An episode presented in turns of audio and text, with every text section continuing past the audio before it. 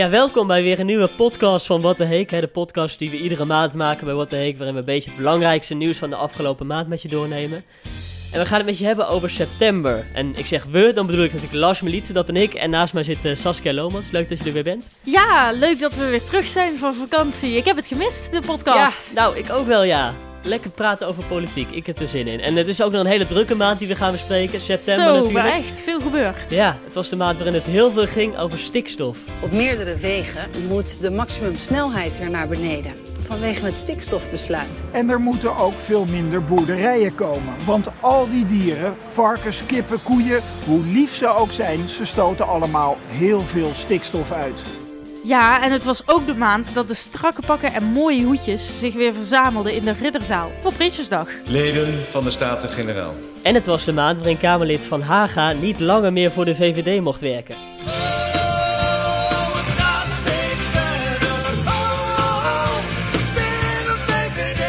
Ja, een hele drukke maand dus, ik zei het al. En eh, we gaan eh, die maand eh, rustig aan met je doornemen, zonder moeilijke woorden, eh, zonder lange verhalen. Maar we proberen het allemaal een beetje begrijpelijk en kort voor je uit te leggen.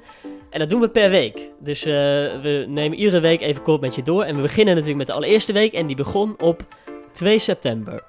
Ja, het Binnenhof moet flink verbouwd worden. En ook deze maand was daar gedoe over. De architecte die die verbouwing moest fixen is ontslagen.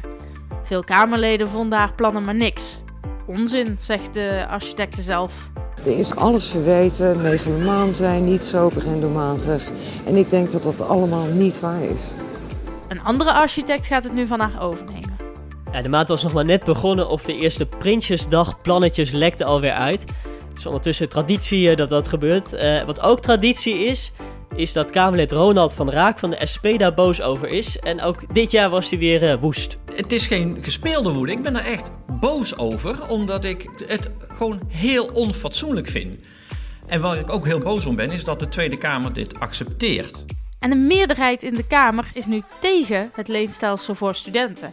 Ook de PvdA is nu van gedachten veranderd en wil de basisbeurs terug. Ja, wel een opvallende draai inderdaad. Hè? Want de PvdA die was hier jarenlang juist voor, voor dat leenstelsel. En nu ineens willen ze dus inderdaad dat je die basisbus hebt, waardoor iedereen eigenlijk gratis kan studeren. Waarom die draai eigenlijk ineens? Ja, het is inderdaad wat je zegt best wel bijzonder, want het leenstelsel is bedacht in 2015. En dat was op het moment dat de PvdA zelf in de regering zat. Dus ze hebben letterlijk het plan zelf bedacht. En nu lijkt het alsof ze zeggen van, oh, we vinden het toch een eh, slecht plan. Dat is niet zo. Wat eh, Lodewijk Asscher, eh, de fractievoorzitter van eh, de PvdA, zegt, dus de baas daar, zegt is: we vinden het op papier best nog steeds een goed plan, maar we hebben het nu in de praktijk een paar jaar getest en het werkt niet. Dus veel minder jongeren hebben een eh, vaste baan gekregen. Dus die krijgen vast eh, geld als ze klaar zijn eh, met studeren. Het is veel moeilijker geworden voor jongeren om een huis te vinden. En dat, waren, dat zijn gewoon dingen die waren in 2015 nog niet zo. En nu wel. En dan is het best lullig, vindt, vindt Ascher, om ze dan nog een keer extra te pakken door, door ze studieschuld te geven, die jongeren. Ja, ik baal er zelf wel van, want ik ben net eh, begonnen toen dat eh, leenstelsel inging eigenlijk. ook. En we zijn nu allebei net klaar op het moment dat het misschien weer terugkomt, zeg maar. Dus dat Ja, is wij wel zijn, een wij, beetje zijn balen. echt, wij zijn echt genaaid door deze regeling. In de zin van eh, of je nou een goede regeling vindt of niet. De mensen die in 2015 zijn begonnen met studeren, die zijn nu ongeveer een beetje afgestudeerd. Als nu de mensen die nu beginnen met studeren. Eh, weer een studiebeurs krijgen. Dan zijn dus de mensen voor ons die hebben geld gekregen. De mensen na ons krijgen geld. Maar precies onze club, die krijgt echt Oh. helemaal niks. Nou, laten we hopen dat er een soort regeling komt om ook die groep even te compenseren. Dat je zegt van nou, dat is ook wel lullig voor die mensen, dus laten we daar iets aan doen. Dus nou ja, laten we het afwachten. En het is ook nog helemaal niet zeker dat dat hele leenstelsel... eh, Nee, nee, zeker Verdwijnt, niet. hè? Nee. dus eh laten we het even afwachten hoe dat, hoe dat gaat gebeuren. We houden het in de gaten. Gaan we door met de tweede week van september. De week die begon op 9 september is dat. Eh, we gaan nog even door over het leenstelsel. Sinds dat er is, eh, zijn er niet minder mensen gaan studeren, zegt de minister. En eh, bij het CBR gaan meer mensen werken, zegt minister van Nieuwenhuizen. Er zijn lange wachttijden daar voor jongeren met ADHD of autisme die een rijbewijs willen halen. Die moeten namelijk eerst door een keuring en dat duurt even. Pas volgend jaar zomer is de achterstand weggewerkt, zeggen ze. Ja, Wilders die zei het al een tijdje, maar nu is het ook echt bewezen. Een minister heeft zich een paar jaar geleden bemoeit met de rechtszaak tegen hem. En dat mag niet. Uh, trias Politica, je weet zelf van maatschappijlen nog. Wilders staat nu voor de rechter voor zijn minder Marokkanen uitspraak. En die rechtszaak die was er niet geweest als de minister zich er niet mee had bemoeid, zegt Wilders. Ja, dat verwacht je misschien in Cuba of in Noord-Korea. Maar ik vind, het, ik vind het heel eng dat dat nu ook gewoon in Nederland gebeurt. En ik ben ook heel boos, want ik heb jarenlang eh, voor die rechtbank en dat gerechtshof gestaan. En eh, ben zelfs veroordeeld, wat nu blijkt dat dat gewoon een, een politiek proces is geweest. Wilders die gaat nu aangifte doen tegen het Openbaar Ministerie, eh, want hij is echt heel boos nu. Ja, nou ja, dat, eh, als je gaat kijken naar wat er gebeurd is, of misschien gebeurd is, dan is dat ook wel uh, een beetje begrijpelijk. Want nou, je zegt net zelf al, de trias politica. In Nederland uh, is het zo dat de rechter zich niet mag bemoeien met de politiek en de politiek niet met de rechter.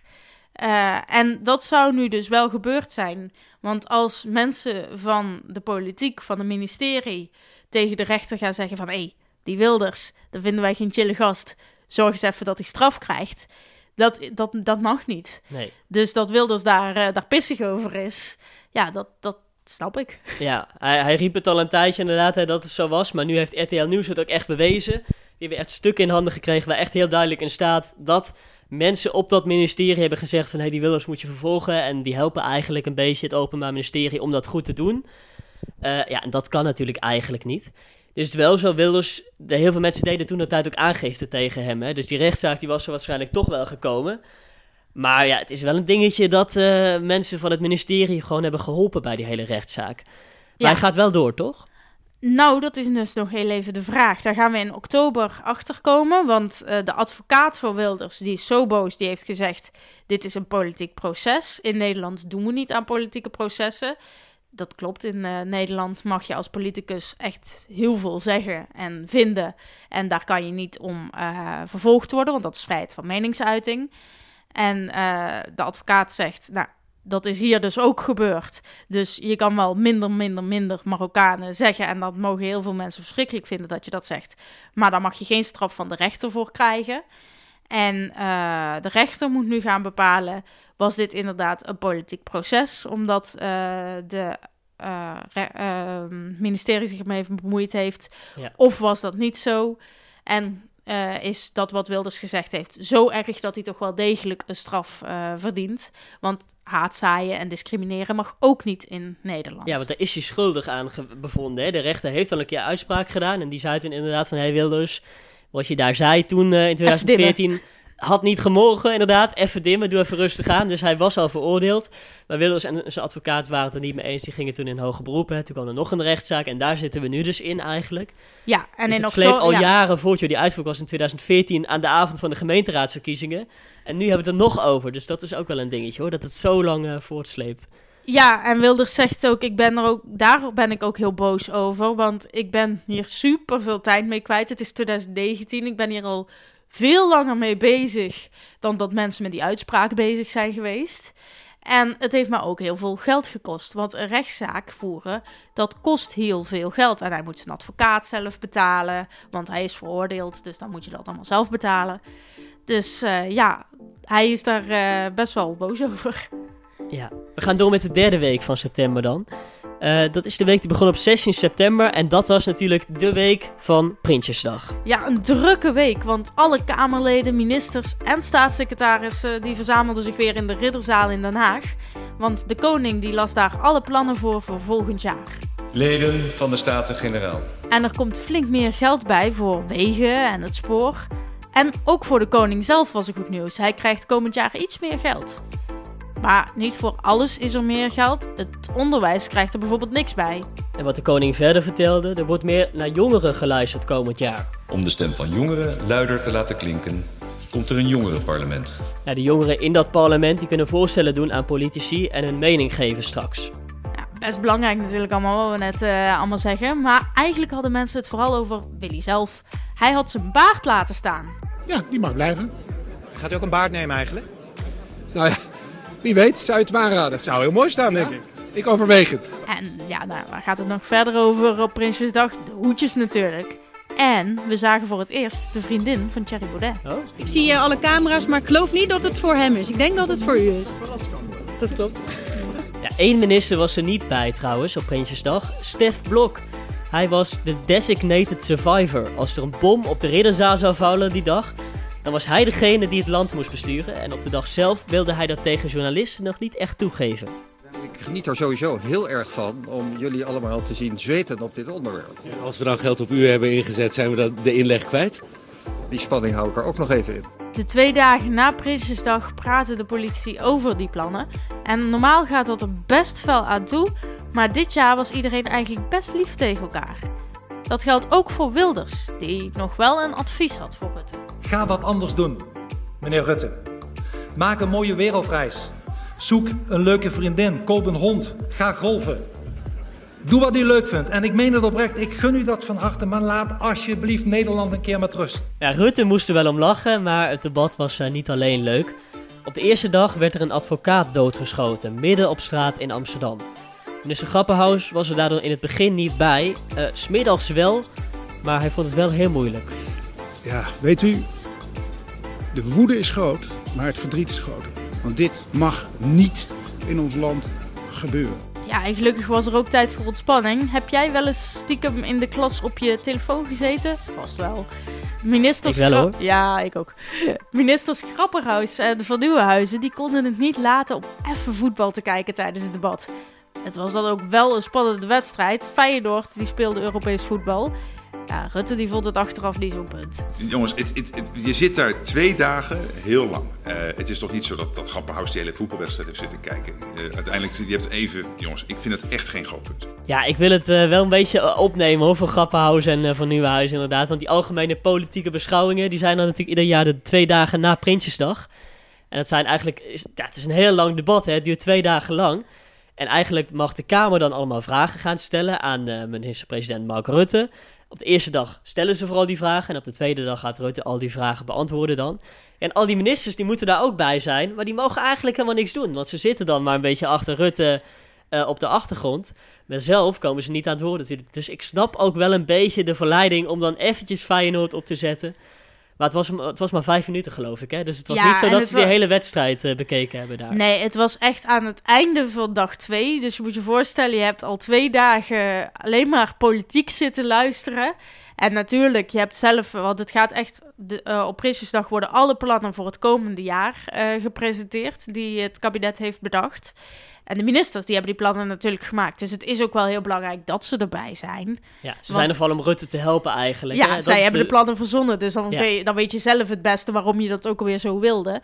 Maar als je dan twee dagen alleen maar naar andere mensen hebt zitten luisteren. Stel je voor, je hebt, moet twee dagen eh, van nou ja, 10, 11 uur s ochtends tot 2 uur s'nachts naar school. En je mag alleen maar luisteren naar de docent. Verder hoef je niks, eh, niks te doen. Dan snap ik wel dat je even je iPad pakt en denkt: Goh, even kijken. Toch even die, eh, die iPad openzetten. Heel veel Kamerleden doen het ook trouwens. Hè. Als je kijkt naar de debatten, dan zie je het ook wel eens. Heel veel Kamerleden die ondertussen een beetje zitten te scrollen op hun telefoon. Heel veel dingen die ze doen zijn ook wel belangrijk. Hè. Ze beantwoorden mails bijvoorbeeld. Maar ja, af en toe kijken ze dus blijkbaar ook naar voetbal. Wat dus eigenlijk natuurlijk niet de bedoeling is. Ja, één minister die was er niet bij. eh, want eh, al Ja. die ministers die zaten zich daar kapot te vervelen. Maar één eh, minister die heeft toch best een leuke dag, eh, twee dagen gehad. Ja, die Eh, zat in het Europees Parlement die dagen. Stef Blok natuurlijk. Onze minister van Buitenlandse Zaken is dat. En hij was dus dit jaar voor het eerst de designated survivor. Het is voor het eerst dat we zo'n functie hebben eigenlijk.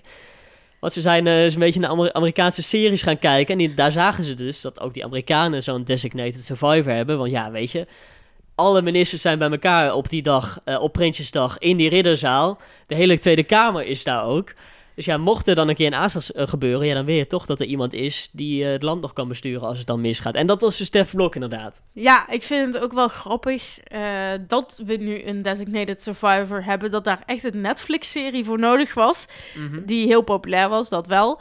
Maar dat gewoon eh, iemand bij D66 was dat.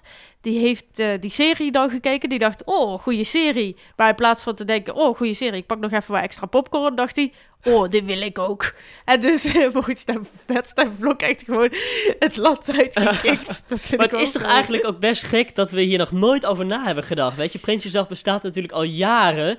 Maar nooit heeft iemand nagedacht van, hé, hey, wat doen we eigenlijk als er een keer een aanslag eh Ja, het is maar goed dat er op niet eh, een of andere wakkere terrorist dit al eerder bedacht heeft dan de ministers. Want wat, wat hadden we op, oprecht, wat hadden we gedaan als iedereen op één dag vermoord wordt? Dan hebben we gewoon geen landsbestuur meer. Dat is echt dikke chaos, joh. Hè?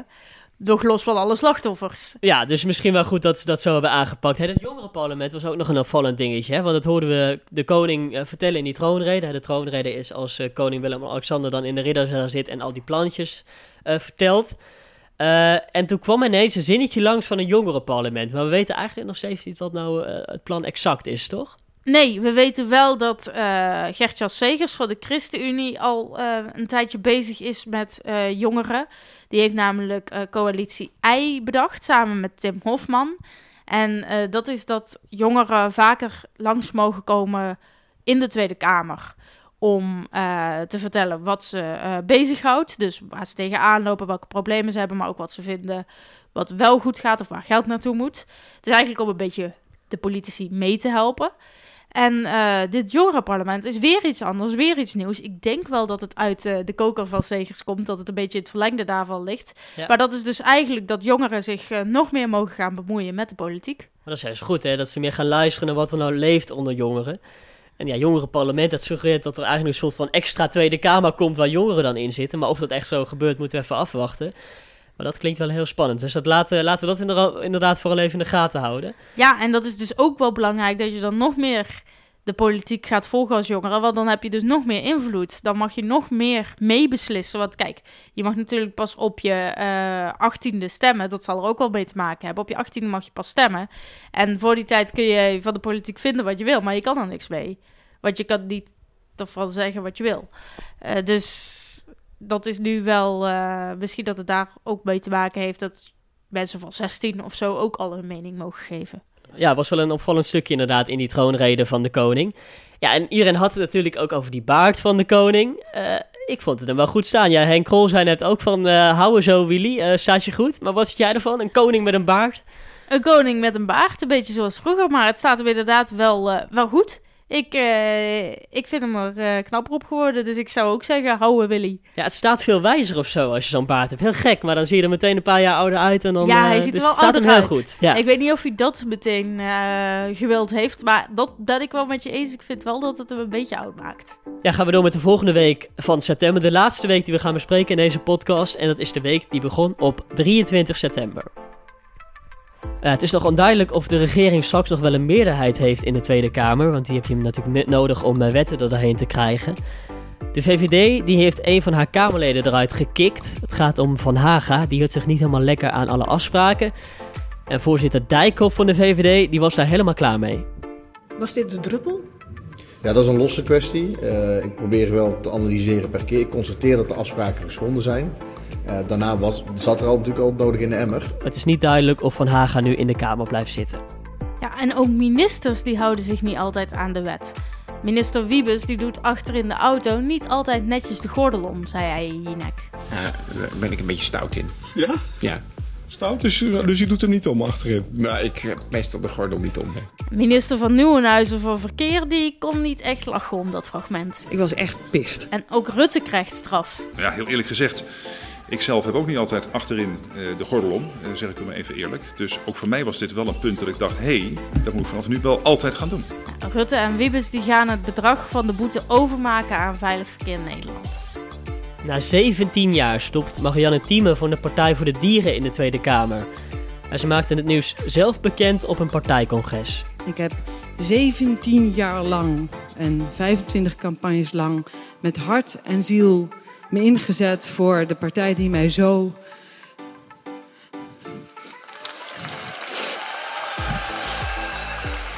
En september, dat was eigenlijk ook de maand van de stikstofcrisis. We stoten in Nederland te veel stikstof uit en dat is niet goed voor het klimaat. Het is slecht voor sommige planten en dieren. Drie maanden geleden bepaalde een belangrijke club mensen daarom dat we beter ons best moeten doen om schoner te zijn. Deze maand kwam het kabinet daarom met maatregelen. Op sommige wegen mag je nog maar 120 in plaats van 130 rijden. En boeren krijgen geld als ze vrijwillig stoppen met boer zijn.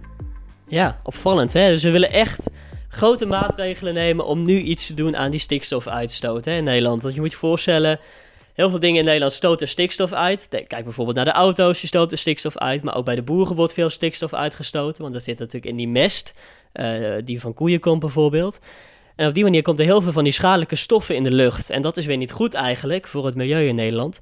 Want heel veel planten gaan daardoor juist heel goed groeien door die stikstof. Denk aan brandnetels en denk aan bramenplanten bijvoorbeeld. Maar heel veel zeldzame planten, die gaan juist heel slecht groeien van die stikstof. En dat betekent dat heel veel dieren daardoor juist uitsterven. Want het gaat dan om dieren die juist leven van die planten die dan verdwijnen in Nederland. Dus ja, het is heel belangrijk eigenlijk eh, dat we minder stikstof uitstoten in Nederland. Om die mooie natuur maar te behouden. Dus daarom liggen ook heel veel projecten stil in Nederland. Heel veel bouwprojecten moesten maar worden stilgelegd eigenlijk, hè? Ja, dat klopt. En dat is niet per se omdat het, eh, het kabinet nou dacht: Goh, we gaan echt nu iets doen aan dat stikstofprobleem. Ze moeten er iets aan doen. Want eh, de rechter en daarna de Raad van State, die hebben. De hoogste rechter in Nederland, hè, ja, inderdaad. Precies. Ja. Die hebben gezegd: Nou, kabinet, ik weet niet wat jullie van plan zijn het komende jaar. Maar dit gaan jullie toch eerst even fixen. Want het gaat nu echt niet goed qua stikstof. En als eh, die uitspraak er ligt, dan heeft het kabinet geen keuze meer. Dan moeten ze dat doen. En daardoor, eh, omdat het meteen moet gebeuren, kunnen ook heel veel dingen die nu stikstof uitstoten niet doorgaan. Dus bijvoorbeeld bij de VVD hadden ze net gezegd: we gaan op meer plekken 130 rijden. Toen eh, zei de rechter dus, ik denk het niet. En nou moeten ze ineens weer zeggen, oké, grapje, jongens, mocht niet. Ja, dat is wel En, vervelend ja. voor de achterban, want heel veel VVD-stemmers die stemmen juist ook voor dat plan om 130 te rijden op veel snelwegen. En dat wordt nu weer 120 op heel veel plekken. Dus je mag net wat langzamer rijden. Daardoor stoot je minder stikstof uit en dat is dan weer beter voor het klimaat. En heel veel bouwprojecten die lagen stil. Iets van 18.000 in Nederland. Dus eh, op heel veel plekken kon niet meer worden gebouwd. Ja, dat is ook eh, lastig, want de machines eh, waarmee gebouwd wordt, waarmee huizen gebouwd worden, maar ook wegen, fietspaden, die eh, zijn ook vervuilend. Die stoten ook stikstof uit. En om meteen minder stikstof uit te stoten, moet je dat dus helemaal, moet je die machines stilleggen. Maar ja, dat is best lullig als je halverwege een huis bent. Ja, dus het ging eigenlijk een beetje de hele maand maar over stikstof. Van hey, wat kunnen we nou doen eigenlijk om minder stikstof uit te stoten? D66 eh, die kwam trouwens nog met een opvallend plan, want die zeiden van weet je, misschien moet je maar eh, de helft van alle dieren eruit doen in Nederland. Want ja, die stoten heel veel eh, stikstof uit. Ja, wat er Ehm, eigenlijk... dus die wilden de ja. veestapel halveren, zoals het dan heet. Dus die wilden eigenlijk dat de helft van alle kippen, koeien en eh, runderen eigenlijk de deur uitgaan. Dat was wel een opvallend voorstel wat heel veel over ging afgelopen maand. Ja, want eh, ze zeiden dat in een interview. Dus ze kwamen daar niet zelf mee, maar ze zeiden dat in een eh, interview van misschien is dat een goed idee. Maar ja, je moet je voorstellen, heel veel boeren die verdienen natuurlijk geld met hun dieren. Dus de helft, minder, schrikken, denk ik. de helft minder dieren is de helft minder geld. Ja. Dus heel veel boeren hebben ook zoiets van, ja, leuk ideetje, maar hoe de fuck gaan we dat doen? Dus heel veel boeren zijn daar ook wel boos over. Ja, en ook mensen binnen de regering waren er boos over. Want dit was een plannetje van D66. Maar bijvoorbeeld de VVD en het CDA, die wisten hier natuurlijk helemaal niks van. En die schrokken hier best wel van, want die werken natuurlijk samen met die partij. Met D66. En die hadden zoiets van, wat, fl- wat flik je me nou eigenlijk? Want wij werken samen en dan kom je ineens met zo'n opvallend plan. Zeker omdat het CDA echt een partij is die heel veel eh, boeren heeft eh, onder zijn kiezers. Dus heel veel boeren die zijn fan van het CDA. En als dan een vriendje van het CDA ineens zegt... Ha, boeren gaan maar daar of minder geld verdienen. Ja, dat, eh, dat, dat denken die mensen bij het CDA ook van. Ja, hallo, zijn jullie het hier ook mee eens? Hoe zit dit? Ja. Ja, daar zit de podcast er alweer bijna op. Een beetje de belangrijkste dingen doorgenomen van de afgelopen maand. En waar we nu altijd mee afsluiten is eigenlijk de politicus van de maand. Wie sprong er nou echt uit afgelopen maand en wie moeten we even in het zonnetje zetten? Is deze maand een beetje moeilijk? Ehm, aan wie denk jij, Sas? ja, het moet sowieso over stikstof gaan, wat mij betreft, omdat dat dus heel veel in het nieuws was. Maar dan ga je kijken wie waren nou de hoofdpersonen. Nou, dat is Johan Remkes. Johan Remkes is de meneer die heeft een rapport geschreven. eh, waarin hij eigenlijk zei: het eh, kabinet moet nu eh, het, het stikstof terugdringen. De oud-minister van de VVD die dat mocht eh, doen eigenlijk. Ja, en doordat Remkes dat zei, dat rapport bu- naar buiten bracht, kwamen dus al die bouwprojecten stil te liggen eh, en raakten de boeren een beetje in paniek. Dus Remkes is echt de paniekzaaier van deze Gek, het maand. is eigenlijk een oud-politicus, maar hij zou dan misschien wel politicus van de maand kunnen zijn. Ja. Marianne Thieme, die hebben we natuurlijk ook nog. Die Ja, stopte als eh. Ja, leider bij de Partij voor de Dieren. zonnetje 17 zetten. jaar lang zat ze in de Tweede Kamer natuurlijk. Dus dat is best wel een lange tijd. Moet- ja, misschien is zij wel de politicus van de maand, inderdaad. En we hebben ook nog Tjeerd de Groot. Eh, D66, D66 is niet heel bekend, maar ineens best wel beroemd geworden. In, ieder- eh, in ieder geval onder de boeren. Want hij is dus die D66 die in een interview zei... Yo, boeren, als je even de helft eh, minder dieren doet, is dat niet een ideetje? Dus die heeft ook veel paniek en onrust veroorzaakt. Zullen we gewoon eh, voor deze keer voor drie eh, politici van de maand gaan in plaats van één? eh, Ja, ik, ik ja. vind het lastig kiezen tussen deze in drie. het zonnetje en Remkes en... ehm Tjeerd de Groot van de Groot, D66. omdat ze gewoon paniek hebben gezaaid eigenlijk. Terecht of onterecht, dat mag je zelf beslissen. Maar ze hebben in ieder geval wel voor ophef gezorgd de afgelopen maand. Ja, hele drukke maand dus in september. Wordt het in oktober ook zo druk? Eh, wat denk jij? Wat kunnen we komende maand eh, verwachten eigenlijk? Ik denk dat het eh, zeker een drukke maand wordt. We gaan sowieso nog heel veel over stikstof horen. Want hoe gaan we nou verder met het bouwen van huizen en wegen en het rijden op, op de wegen? Mogen we dan echt nog maar eh, 100 of 120 rijden? Eh, Stikstof houdt ons nog wel even bezig. Precies, dat, dat loopt nog wel even. En we hebben gewoon nog een dikke climax te pakken voor Van Haga. Want Ja. Van Haga, eh, dat moet je je voorstellen, die is dus uit de VVD gekikt. Maar eh, als jij uit een partij wordt gezet, je bent als persoon gekozen en niet als partij. Dus eh, De hij zetel mag van hem principe- is eigenlijk van hem en niet van de partij. Hè? Dus hij mag Precies. zelf kiezen nu. Wat gaat hij met die zetel doen? Gaat hij die teruggeven aan de VVD? Zo van, nee, je VVD... Jullie hebben Kies maar iemand een zetel anders. inderdaad, zet iemand anders op mijn plek. Maar hij kan ook zeggen van, eh, weet je wel, ik ben gekozen, eh, ik blijf lekker zitten op die plek. En ja, dan- en dan, dan wordt hij in zijn eentje, dan gaat hij dus los van de VVD in zijn eentje in de Tweede Kamer eh, beslissingen nemen. Dus kiezen of hij het ergens bij eens is of niet. Ja. En de VVD, die zou het echt heel klote vinden als Van Haga zou zeggen, oké, jullie hebben nu een eh, zetel minder, de groetjes. Ja, want het probleem is dan dus dat inderdaad de coalitie, hè, de partijen waar Rutte mee samenwerkt, die hebben dan geen meerderheid meer in de Tweede Kamer. Ze hebben ook al geen meerderheid meer in de Eerste Kamer en ook in de Tweede Kamer niet. En dat is best wel lastig als je je plannetjes er doorheen wil krijgen. Dan moet je continu natuurlijk hulp zoeken van een andere partij nog. Dus het maakt het allemaal heel moeilijk voor Rutte als straks eh, die zetel weg is bij de VVD. Dus laten we voor Rutte in ieder geval hopen dat dat niet gaat gebeuren. Maar Van Haga die zegt van, ja, ik wil er nog even over nadenken. Ik weet het toch niet wat ik ga doen. Dus dat Dus gaan die we houdt het spannend. in die gaat oktober mee hopelijk wel eindelijk Precies. een keer horen, toch? Die Ja. gaat er eh, mee oktober in. Ja, heel spannend. Laten we dat, eh, ja, heel benieuwd hoe dat gaat.